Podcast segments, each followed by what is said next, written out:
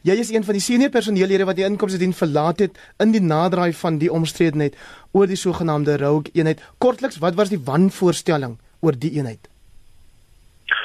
Wel ek dink um 'n maatskappy soos KPMG het 'n sentrale rol gespeel om in die openbare uh domein te bevestig dat en hulle is baie eksplisiet in hulle bevindinge. Hulle het bevind there was a rogue intelligence unit that operated within SARS Hulle het ook bevind dat hierdie eenheid op belastingbetalers gespioneer het, die wette van die land oortree het en 100 miljarde of 100 miljoen rande se uitgawes aangegaan het vir spioen uh toerusting en so voort en dit was onregmatige en moontlik onwettige uitgawes.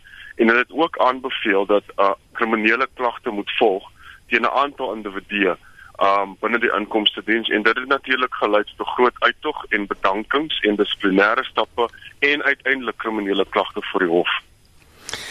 Maar nou onderneem KPMG om die 23 miljoen rand wat hulle deur die werk vir die inkomste diens gedoen het, terug te gee.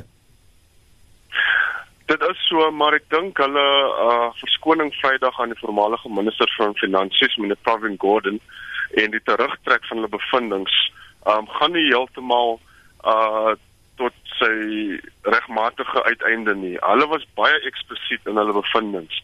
Ek sou graag wou sien dat hulle moes sê hulle trek die bevindinge terug dat daar 'n rogue unit was. Um dit het mense se loopbane geskand, dit het mense se reputasies geskand. Dit het daartoe gelei dat baie mense hulle werk verloor het. En steeds vandag nog voor um of in die hof of dissiplinêre verhoor hulle eie regskoste moet betaal. Dit maak mense se familie seer en dit maak uh, dit lei daartoe dat mense nie meer werk kan kry nie. So dit mag 'n goeie openbare betrekking of uh ander of um aandering wees ek gee die geld terug van fooie wat ek van SARS gekry het, maar die mense wat werklik negatief geaffekteer is deur hierdie hele saak, vir hulle is daar baie min uh regverdigheid wat tot dusver geskied het. En mense sal graag wil sien dat die maatskappy verder gaan. Dis dalk 'n goeie eerste stap. Maar daar moet 'n beter mate van regverdigheid wees van diegene wat wat uh, geraak is deur hulle bevindinge. Die teruggee van die geldaanbod is dalk die tweede stap want die eerste stap was dat die hoofuitvoerende beampte en agt ander direkteure bedank het. Dis korrek ja. Maar weer eens, ek dink die maatskappy skuld soos die inkomste diens skuld Suid-Afrikaners en belastingbetalers en die publiek uh verduidelikings. Wat ons nou weet in 2017, um en dit is gebaseer op inligting wat nou in die openbare domein is en wat oor die media al berig het. KPMG het nooit sy eie onafhanklike bevindinge in hierdie forensiese ondersoek gedoen nie. Hulle was aangesê en hulle was verwys deur die inkomste diens se prokureurs Masiani Moodley in Sandton wat die uh, uh, prokureurs op rekord was vir SARS om sekere bevindinge te maak. En dit is dit is vasgelê op eposse wat berig is deur die media dis in die openbare domein. So jy jy noem dit 'n onafhanklike forensiese ondersoek as KPMG maar jy het gedoen wat jou kliënt gesê het jy moet doen. Jy het nie onafhanklik feite en getuienis oorweeg mense die reg gegee wat daar deur jou bevindinge beïnvloed word om te reageer op sulke aantuigings nie. Jy het jy wou hulle nie hoor vir 2 jaar nie en jy moet verantwoordbaarheid neem vir daardie aksies en niemand natuurlik vra daai vraag aan Tom Moyani in die inkomste diens nie. Hoekom het julle so gehandel? Wat was die werklike motief van hierdie? En hoekom is julle nou stil uh inkomste diens terwyl julle uh diensverskaffer KPMG nou in die openbaar hulle bevindinge terugtrek. Jy word op EWN aangehaal dat jy sê jy weet nie wie se optrede die skokkendste was nie, Tom Moyani wat die inkomste diens lei of Trevor Hall wat KPMG se uitvoerende hoof was. Maar 10:00 vanoggend sal die inkomste diens wel vir ons vertel wat hulle reaksie is op hierdie verwikkelinge. Ek verneem hulle het 'n media uh, konferensie om joernaliste te spreek. Um uit my eie ervaring met Moyani en SARS ek dink ek sou baie verbaas wees as ons enkele tree nader aan die waarheid kom na daardie media konferensie. Ek dink dit is mense wat absoluut selektief handel met feite en die waarheid en ek dink daar is genoeg uh voorbeelde. Die jongste se Summiton saak voor die hof, my eie CCMA aangeleentheid wat verlede week amper klaar gemaak het waar ons moet handel met uh die regsverteenwoordigers van die inkomste diens en hulle beamptes. En daar is geen daar is absolute minagting van regsprosesse.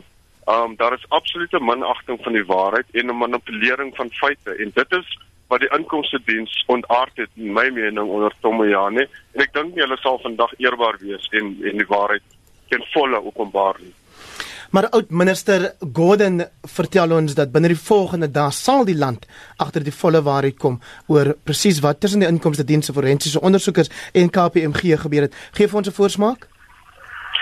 Um ek dink meneer Gordon met wie ek in kontak was hier dit Vrydag en 'n en 'n aantal ander voormalige beamptes is besig om met hulle onafhanklike of, of hulle individuele regspanne te praat. Ek dink die enigste manier vir hulle is regtig om voor die howe een of ander vorm van geregtigheid uh, te probeer verkry want ek dink nie met die huidige leierskap van SARS gaan jy naby aan die waarheid kom nie, gaan jy erkenning kry dat hulle gefouteer het nie en gaan jy um enige uh erkenning kry dat hierdie 'n groter politiek politieke spel was om 'n uh, instansie, 'n staatsinstelling oor te neem en ontslae te raak van sy topleierskap. Jy het nou verwys na jou uh, saak nadat jy bedank het wat dien en jy jy noem dit 'n um, konstruktiewe uh afdanking ontslag. Uh, ontslag ja. ja. Uh waar staan die saak nou en wanneer hoop jy dat dit afgehandel sal wees? Um ons het getuienis opgesom en klaar gemaak albei kante so my regspan en die regspan van die inkomste diens. Moyane het natuurlik vir die grootste deel van 'n jaar aangedui hy sal kom getuig um voor die CCNA kommissaris en toe die aangeleentheid aanbreek of geleentheid om voordoen donderdag het die regspan van SARS net hulle saak gesluit en gesê hulle gaan geen verdere getuienis roep nie. Um die arg, laaste argumente word aangevoer op 6 November en dan sal daar hopelik 'n uitspraak wees kort daarna. Uitren oud-minister Gordon sê ook as KPMG werklik jammer is, moet hulle die slagoffers van hulle verslag um by 'n ondersoekeenheid in die maatskappy betrek en dan mense soos Ivan Pillay daar laat werk. Maar meneer Pillay was dan reeds met vroeë aftrede as as konsultant werksaam by die SAID is dit nie? Dit is korrek ja Maar op die oomblik as uh, Johan van Logrenberg, Ivan Pelay, Piet Richa, Jolisa Pique en 'n klomp ander, dis mense wat nie meer formele uh, werk of posisies kan kry of in die openbare sektor of in die private sektor nie as gevolg van hierdie low rogue label wat letterlik oor hulle hang. En totdat dit opgeklaar word, um sal dit dalk die geval wees, maar ek dink mense uh, moet aandring op een of ander vorm van vergoeding. So beteken dit daar kan soveel eise in die vooruitsig wees. Ek dink definitief so. Um soos ek gesê het, ek dink dis die enigste manier om 'n uh, mate van geregtigheid te kry. Um mense het hulle werk verloor, hulle reputasies het skade gelei en ek dink die regsproses alhoewel dit is duur, dit vat lank, dit is baie stresvol vir jou as individu om teen 'n groot korporasie of 'n groot staatsinstelling regsaksie te bring. Maar aan die einde van die dag in hierdie konteks waarin ons nou is, is dit moeilik om te sien dat daar 'n ander positiewe uitkoms kan wees. In die belang van deursigtigheid, hoeveel boeke het jy in Johan van Logrenburg van julle boek verkoop? Ehm, um, so die laaste sirkulasiesyfers was iets soos 23000 wat ons van Jonathan Ball uitgewers gehoor het. So, en selfs dit is geen troos nie. Askies. Selfs dit is geen troos vir julle. Nee, ek dink um die punt van die boek was dat om die publiek in te lig.